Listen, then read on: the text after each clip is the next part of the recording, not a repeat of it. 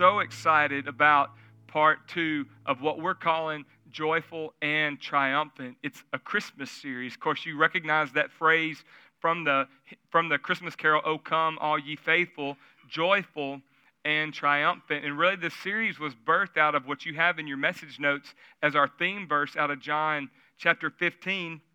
If you want to look in there, you can follow along. It'll be on the screen as well. And Jesus said that I have loved you.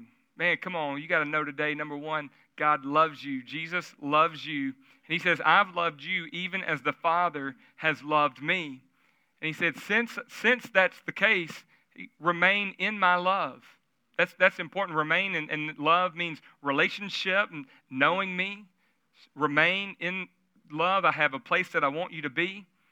He said, and when, and, and then he tells us how to do it. When you obey my commandments, you remain in my love. And, and we're going to talk about obey just for a little bit this morning, but I think we get a, a negative connotation of what that means. I think when we hear the word obey, we're, we're thinking about how we talk to our dogs sometimes, right?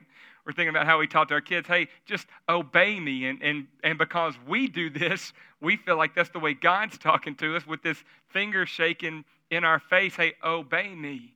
But when you look it up, really, Jesus saying, Hey, I've walked with you. He's talking to his disciples. I've walked with you for three years now.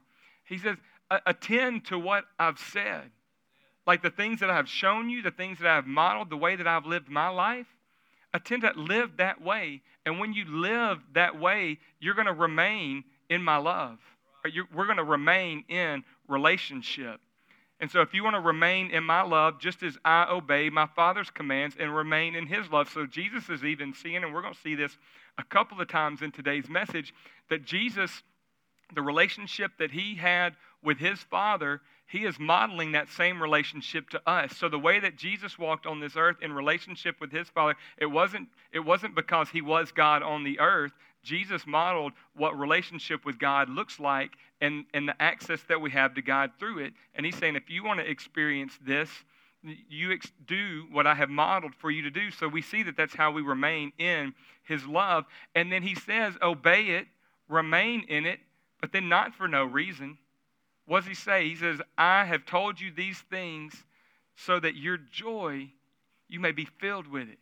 That you may be filled with joy. So sometimes we hear this word obey and we're thinking, man, God's just trying to get us to do a whole bunch of stuff we don't want to do. And we fail to see, we fail to see the reason for it. We fail, we fail to see we fail to see really what he wants for us, and we just get caught up with obey. And he's saying, I want you to attend to what I've shown you, to do the things that I've told you, so that when you do that, you know what's going to happen? Your joy is going to be full. And not even just full, yes, your joy will overflow. And that's my prayer for you. The NIV version, the New International Version of that passage, which is really what got me to thinking about kind of this topic as we got ready for Christmas, he says that your joy may be complete. And I think it's when we face difficult situations, maybe we get into the holiday season when it's supposed to be the most wonderful time of the year. Yeah, the lights are on and the cold weather makes us feel Christmassy and, you know, we, we decorate the house and all that kind of stuff. And it looks good on the, ins, on the outside, but on the inside, it's really kind of anything but. And it, and it is exposed in those times and in, in that moment that maybe our joy is not complete, that there, there is something that's lacking in our life. And Jesus said, I've, I have told you these things, do these things so that your joy may be full. Your joy may be full. And I believe that He's called us to live a, a victorious life as well. And that's why we pinned it and put it together joyful and triumphant. And it can be at this time of the year, even though everything looks great on the outside, it's anything but on the inside. And Jesus has given us the example and showed us how we can live a joyful and triumphant kind of life. And I believe, and, and my hope for you in this series is that this isn't, um, that we can have an experience and experience God's love and experience God's presence and experience God's joy. And it's not just it's not just a cute Christmas song. it's not just a, a, a, something that we sing. It's not just a, a cute song. Like, like last week, we talked about snow globes, and we kind of paralleled it to a snow globe and, and said, hey, it's a great picture on the inside. It's a great scene, snowy, snowy scene, but it looks good, but I could never live there. But yet, I, I believe God says, yes, you can. God's got a life. God's got a, something for us that we can live in that's bigger and greater than what we're experiencing now. And my prayer for you is that you experience that this Christmas, that the, and the ultimate joyful and triumphant Christmas is going to be the one that you experience in your heart. Is the freedom that you experience in your heart from walking free from unforgiveness and walking free from offense, which is our topic kind of that we're focusing on.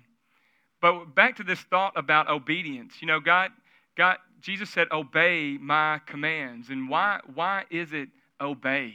Yeah, again, that sounds such a negative word. I, I heard a story one time about a guy uh, when, it, when it comes to obedience. There's a couple in this really small town, and maybe you've heard this story before. I think I may have shared it before, but there's a couple in this small town, and they just had the, the most healthiest, uh, life giving relationship from the outside. Everybody just thought, hey, this is the model relationship, hashtag relationship goals right here. This is who, we, who we're looking at. And, uh, and so one of the young men finally worked up the courage to go ask the man, hey, what is the secret to your marital bliss? What, are you guys doing that, that's kept you happily married for so long? The, the husband begins to tell him the story of their marriage day and how they got married. And when they got ready to go on their honeymoon, they jumped on a horse drawn carriage. They got going down the road a little bit. His wife had the reins. How many of you guys, you let your wife drive everywhere? Anybody? Like, nobody wants to raise their hand for that. I, know. I know people. There you go. I know some of you guys, you let your wife drive everywhere. That's fine. But we, uh, but he lets the wife take the reins. He's giddy up. You know, they start this horse, horse-drawn uh, carriage starts going down the road. They're going on a little while, and all of a sudden that buggy stops. The horse just stops. Wife gets out of that, puts the reins down, goes, walks around that horse, looks that horse square in the eye, and she said, "All right, horse, that's one." Husband's kind of like, "Okay." She gets back in the buggy. She giddy up, and they start going down the road a little bit more. Get a couple miles down the road, and again that horse just stops right in the middle of the road. Wife throws those reins down, gets up, walks out in front of that horse, and says, "All right, horse, that's two." Gets back in, starts going down the road, right along, right along a little while longer. Horse just stops again. Wife grabs her pistol, gets out of the buggy, walks around the front, and blows that horse's brains out right there in the middle of the road. It's crazy, isn't it? Who, who would ever? And the wife, the husband's like, oh my gosh, what have I gotten myself into? So he starts freaking out. She gets back in the buggy. Honey, what, what in the world are you thinking about? One, you're crazy. Two, you just ruined our ride. What are we going to do now? And she just looked that husband straight in the eye and she said, all right, that's one. and, and that's funny and all, but I think that a lot of times that is how we that's how we we view God in our life. That when God says obey, it's like that we got to obey. It's it's or else. I think is what we attach to it in our minds. Obey or else. When really God's saying obey and attend to and do do this and it's a, it's a yes and if you if you attend to it and do what I'm saying. And so when it comes to obedience, I, I want to just help you see that. I want to drive that home a little bit because obedience, when it comes down to it, and we talked about this last week, it's a, it's a choice, that it's not a feeling.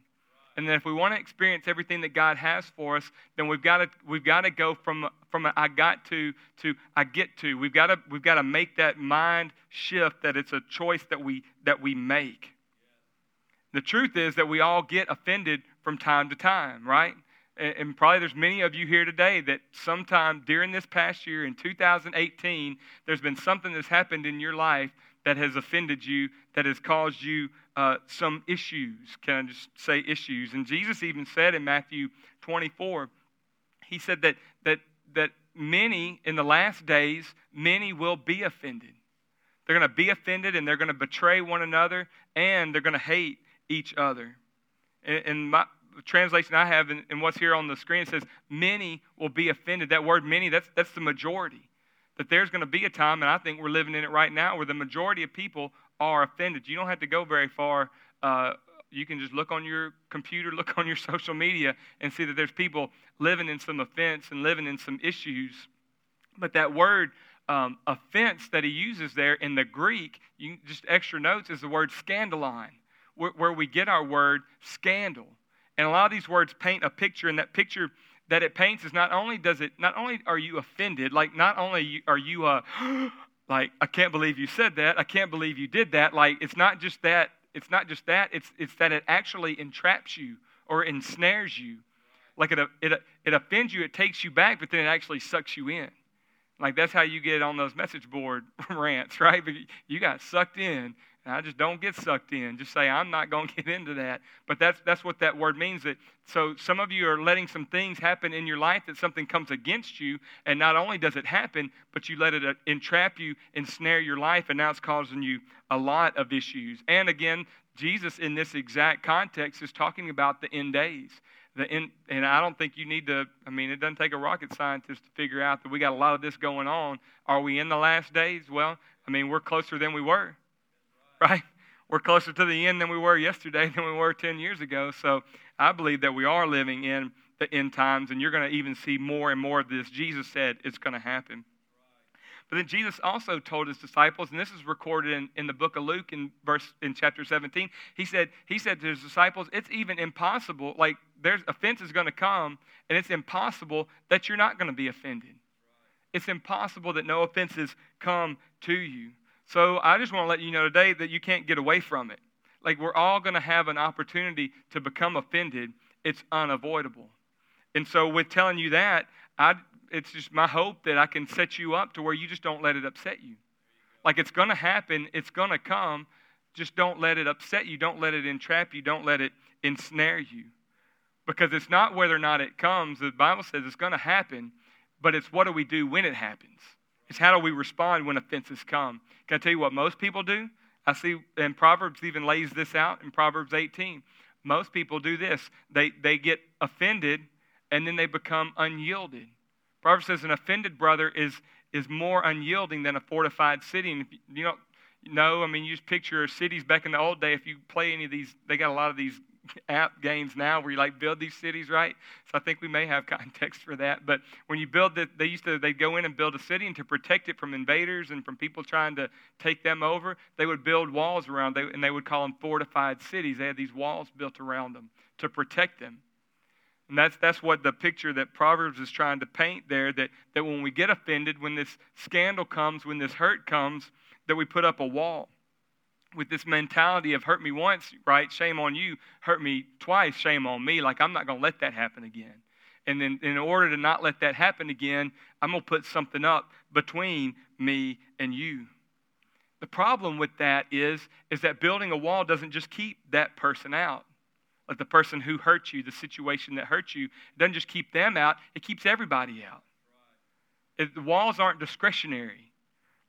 You are either walled or you're unwalled. You're either yielding or you're unyielding. The wall, the wall doesn't care who it keeps in or who it keeps out. You're either in or you're out. And when we live that life and live that way, we can have trouble giving love and we can have trouble l- receiving love because the walls that we put up because of that mean person. And the wall that we put up to keep that person, that mean person out, doesn't just affect the mean person, it affects the good people too. It affects the good people, it affects the good relationships, and it re- affects your relationship with God. So we can't, we can't live this unyielded, walled, fortified life because of what's happened to us. So, what does it look like? What, and these are kind of your first fill in the blanks on your message notes, but I just want to rehearse what offense may look like. And, and most of you will have experienced one, if not a couple of these different things. Offenses, and we get offended, number one, when we're betrayed. When someone you deeply love just doesn't, is, is, turns their back on you. We see this in marriage relationships where somebody who said, till death do us part, didn't. They, they betrayed you. They walked away. Maybe, maybe somebody um, on your job, maybe you, you got let go. The job that was so great that they said, hey, we love you. We want you here forever. They come to you one day and say, hey, we got to let you go. We, we get betrayed. Another offense, offenses may come when we're falsely accused. Man, I hate that. When, when we're falsely accused, when somebody lies on me and says I said something that I didn't say or did something that I didn't do. And a lot of times you have, maybe you've put yourself out there and they misunderstood your intentions or they, they misunderstood what you did or misconstrued what you did. And so they accuse you of doing something that you didn't do or, or that you never intended to do. We can get offended when that happens. We get offended when we're rejected. Right? When somebody just says, hey, you're not good enough, we're shunned, you didn't get picked for that team, you didn't, you didn't, uh, you, weren't good enough to make it here. Our, our culture really kind of celebrates that with American Idol and shows like that. Like it's just so much fun to tell you, no, you're no good, you're not good enough. And that, that, that creates offense. It gets us putting up walls. Maybe during a time of crisis, the person who was there for you, supposed to be there for you when it mattered most, wasn't. And so we feel rejected. We get offended when we're abused. Abuse is real. Verbal abuse, just tearing people down with our words. Talking, talking it. I just, as a youth pastor for a long time, we just, you know, our, our teenagers, especially the boys, were just so great at tearing each other down, just never had an encouraging word to say to anybody. Just how low can we go to cut each other down? We're, we're modeled that and taught that. We're abused um, emotionally, people taking advantage of us, taking preying on our emotions. We're abused, of course, physically, sexually. There's, there's abuse, people taking advantage of you, uh, whether it's you're, you're young or you're impressionable or, or, or whatever, whatever the reason.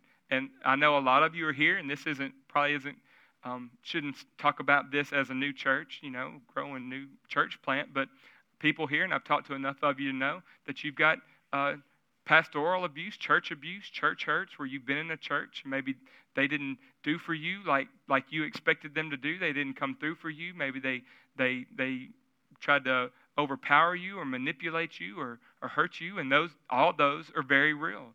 And and and I'll say this: that the higher the expectation that we have for people, the greater the opportunity for that to happen in our life.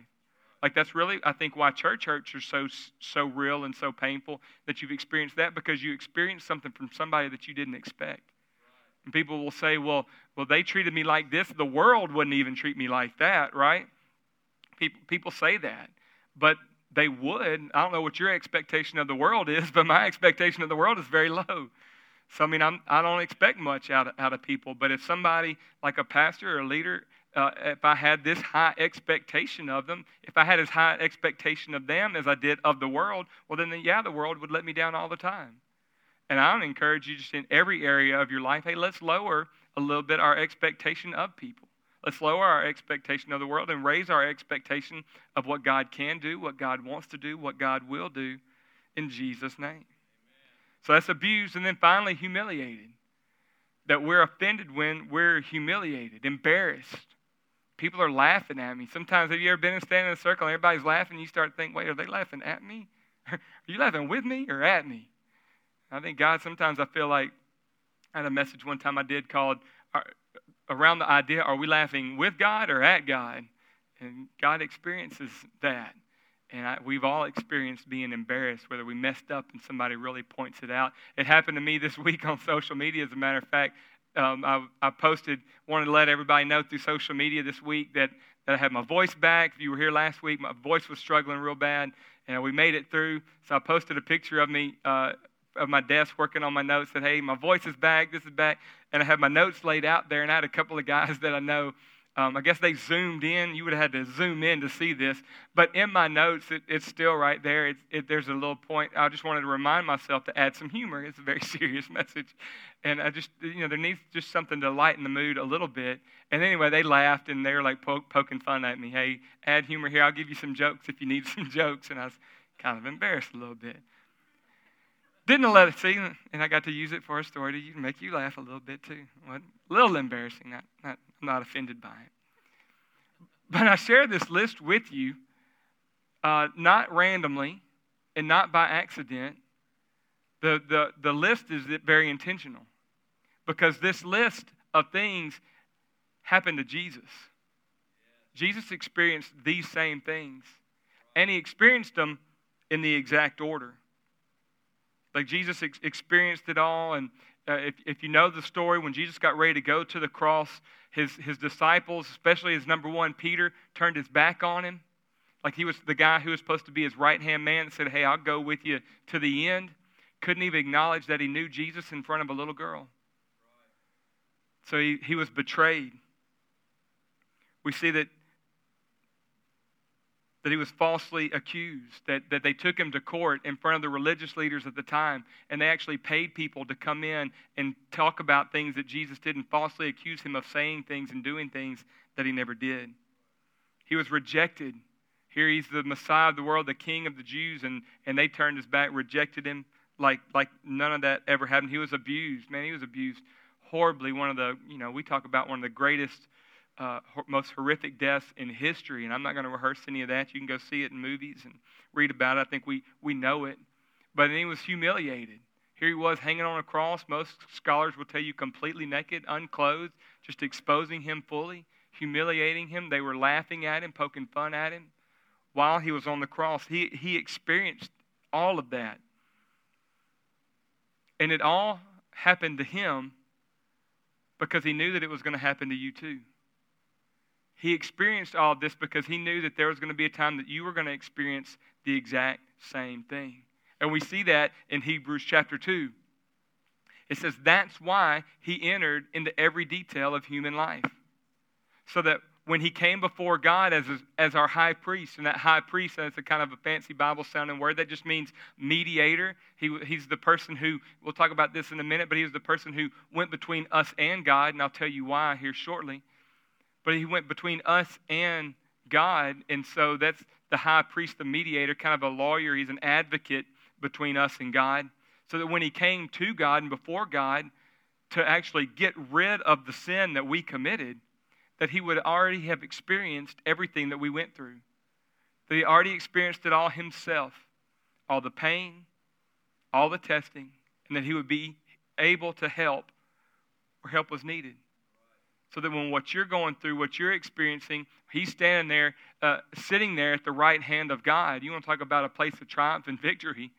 Jesus is sitting right there at the right hand of God.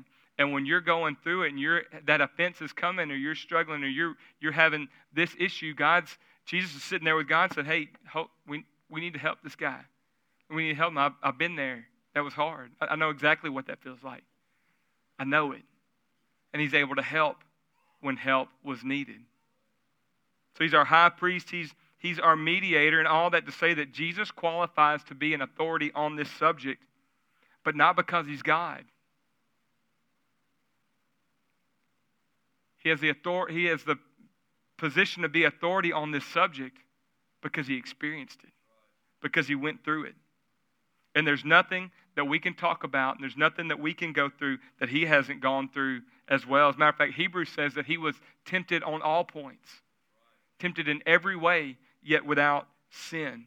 And so, because he did that, Hebrews says that we can come to him confidently, we can come to him boldly, knowing that he's not looking down at us, he's not judging us, he's not being critical of us. He's already experienced it, knows how hard it was, died for it, and now spending time between God and us to help us walk free from it.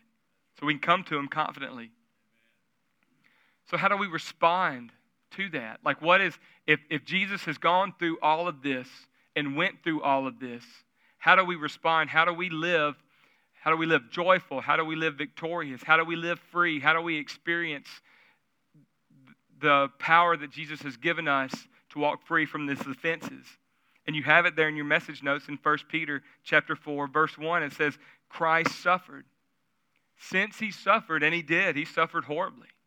Since he suffered while he was in the body, was it say, strengthen yourself with the same way of thinking? That's I, I, we've got some mixed up versions of what we have on there, but my version of this says, with the same way of thinking that Christ had. Because the person, the person who has suffered in the body is finished with sin. So if we're gonna if we're gonna if we're gonna overcome, if we're gonna walk in joy, if we're gonna walk in peace, if we're gonna experience any of this, the Bible says that we're gonna have to see it, we're gonna have to think about it the same way that He has. Arm ourselves with His way of thinking. Hebrews 12 says that 12 Hebrews 12 1 says, lay aside the sin and the weight that easily holds us back, keeps us down. It says, lay all that aside, and it says, in order to do that, the way to do that is to fix our eyes on Jesus. So if we're going to experience what he, what he told us we can experience, if we're going to walk in what he's told us that we can walk in, we got to keep our eyes on him. We got to keep our, our, our minds thinking the way that he thought. We got to keep our eyes focused on him because what he did and what we see in Hebrews 12 2 for the joy set before him. He was able to experience what he experienced. He was able to go through what he went through. And can I tell you, the joy that was set before him, of course, he's sitting at the right hand of the throne of God. Well, who wouldn't want to be sitting right there? Like, that sounds really great, doesn't it? Sounds like a ton of joy would be if I could see that, but that wasn't the joy that was set before him. The joy that was set before him is walking you walking the same thing, watching you experience the same thing that he came to give you, the life that he came to give you, the joy that he came to give you by, by walking in the obedience that he told us to. So we see that in the middle of all this, in the middle of his betrayal, in the middle of the most scandalous, offensive uh, account in history, that there was something in this that Jesus did that you need to do too. And if you do what he did, you're going to make it too. He's our example. So the secret isn't that it happened. Like the secret's out. You're going to be offended. Stuff's going to happen. Stuff's going to come. It, it's not that it's going to happen. It's how do we respond when it happened. And how did Jesus respond when it happened? Because he hung there, betrayed, falsely accused, rejected, humiliated, abused. And in the middle of all that, Jesus is hanging there. In the middle of all that, he says, Father, forgive them, for they don't know what they're doing. And you know, you know good and well, those guys knew exactly what they were doing, right? I mean, they knew that they were driving nails through a man's hand, right? They knew that they, they knew what they were doing when they beat him. They knew the words that were coming out of their mouth. They, they knew that. But what we see in this moment is that Jesus gives us a secret to a pure heart, to regardless of what's going on around us, to experience joy and victory. And it was a choice that he made to see them differently, to see them differently than what they were doing, because offenses will come. Like you're going to experience all of these same things.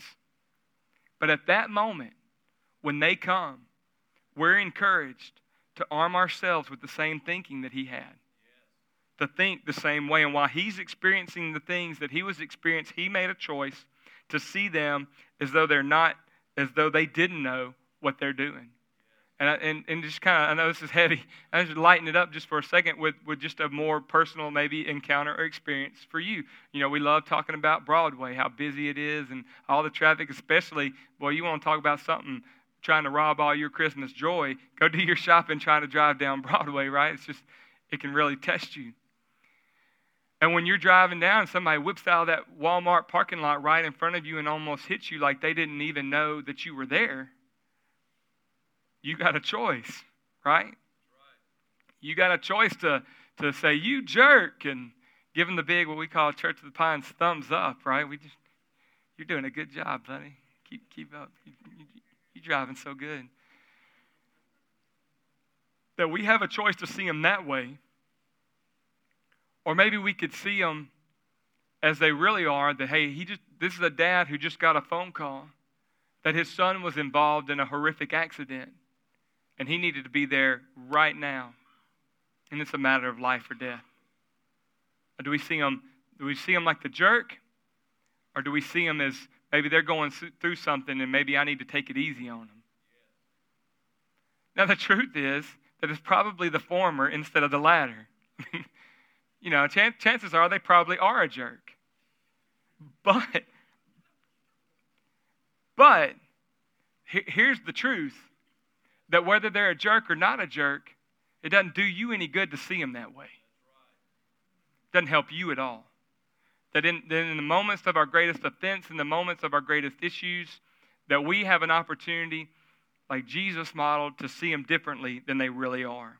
Uh, there's a prayer online. You can find this. It's called a different kind of prayer. It's, it's not attributed to anybody, it's anonymous, but I think it's so appropriate. and I just wanted to read it to you.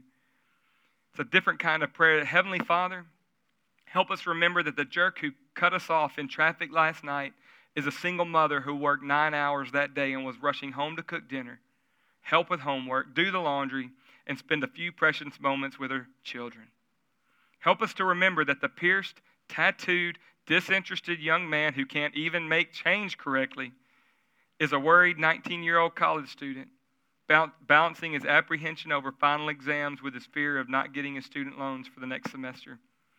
Or I'd say even having to pay for his student loans when he's through. Remind us, Lord, that the scary looking bum begging for money in that same spot every day who really ought to get a job is a slave to addictions that we can only imagine in our worst nightmares.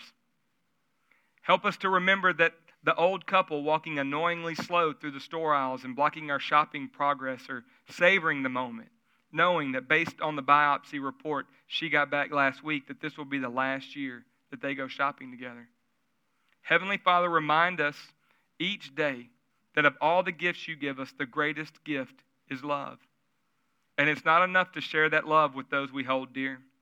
Open our hearts, not just to those who are close, but to all humanity. Help us to see people the same way you do. Not a problem to avoid, but a person to be loved.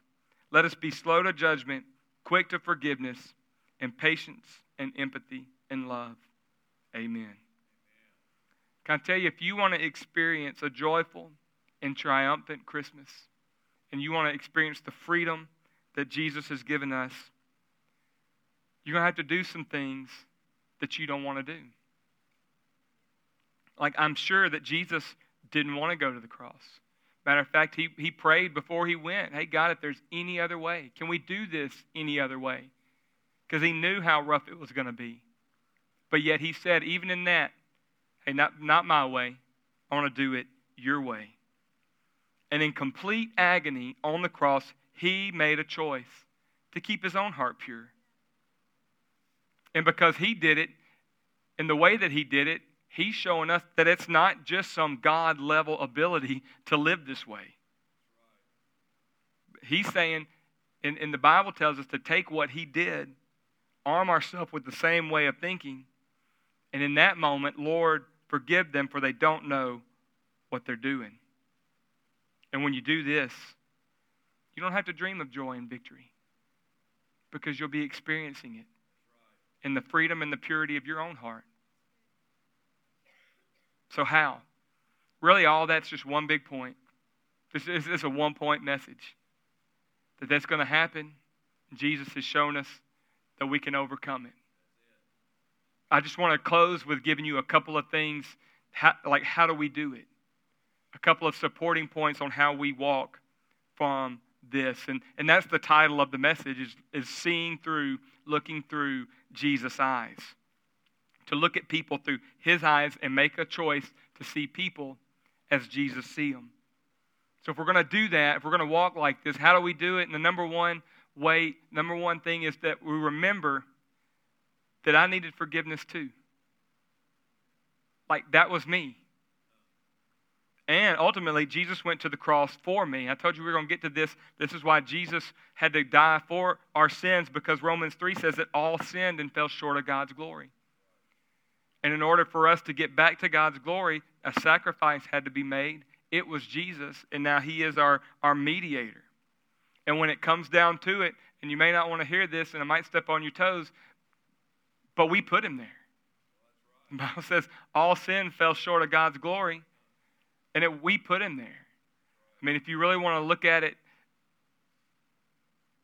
we, we drove the nails in his hands. We put the nails in it. We drove him to the cross. We put him there. We're the offender too.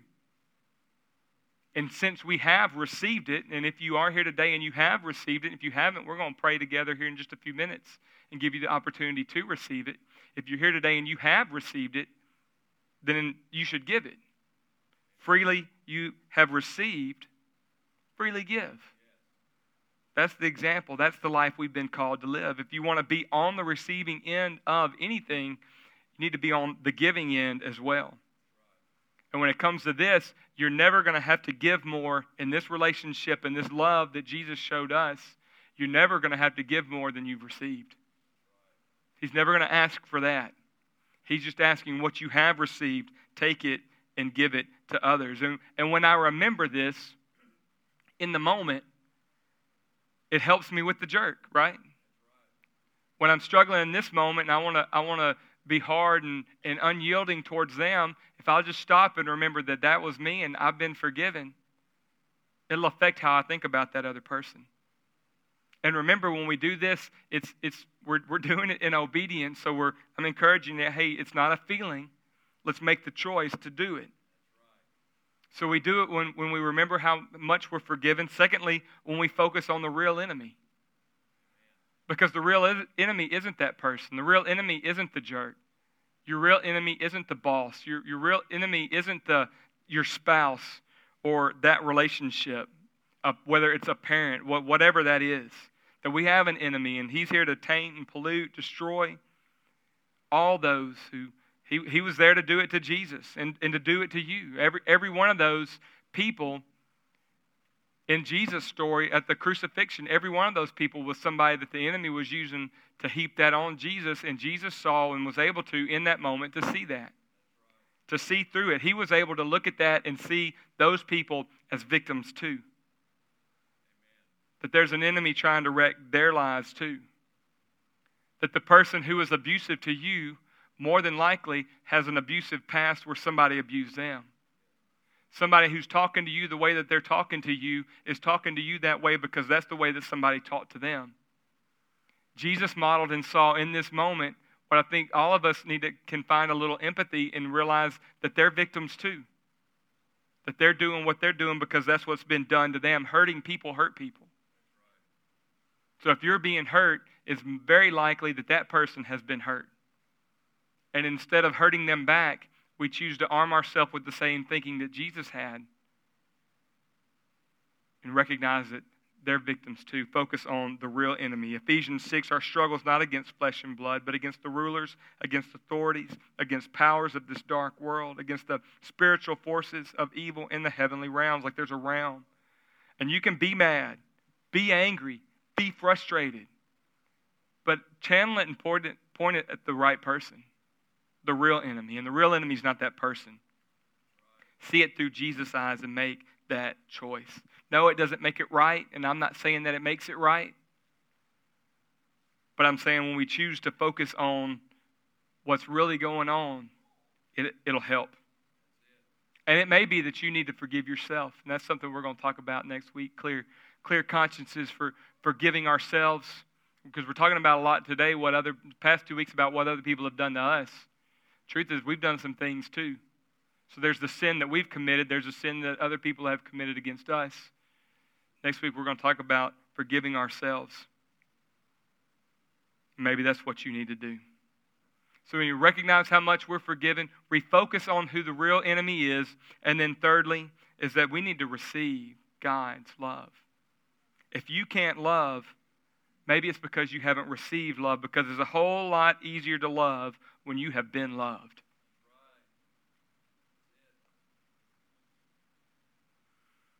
First John 4 says, We've loved, we love because he first loved us.